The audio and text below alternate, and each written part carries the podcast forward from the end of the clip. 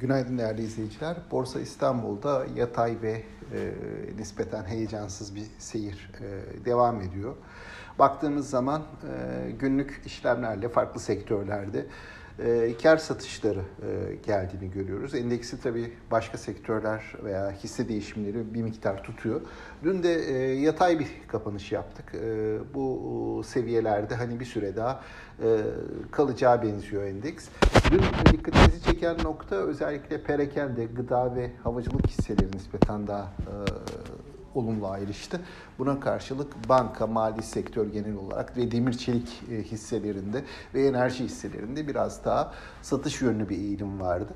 Bu belirsizlik fiyatlaması devam ettiği sürece çok e, önemli bir e, hacim artışı ya da endekste çok dikkat çekici bir hareket beklenmemeli.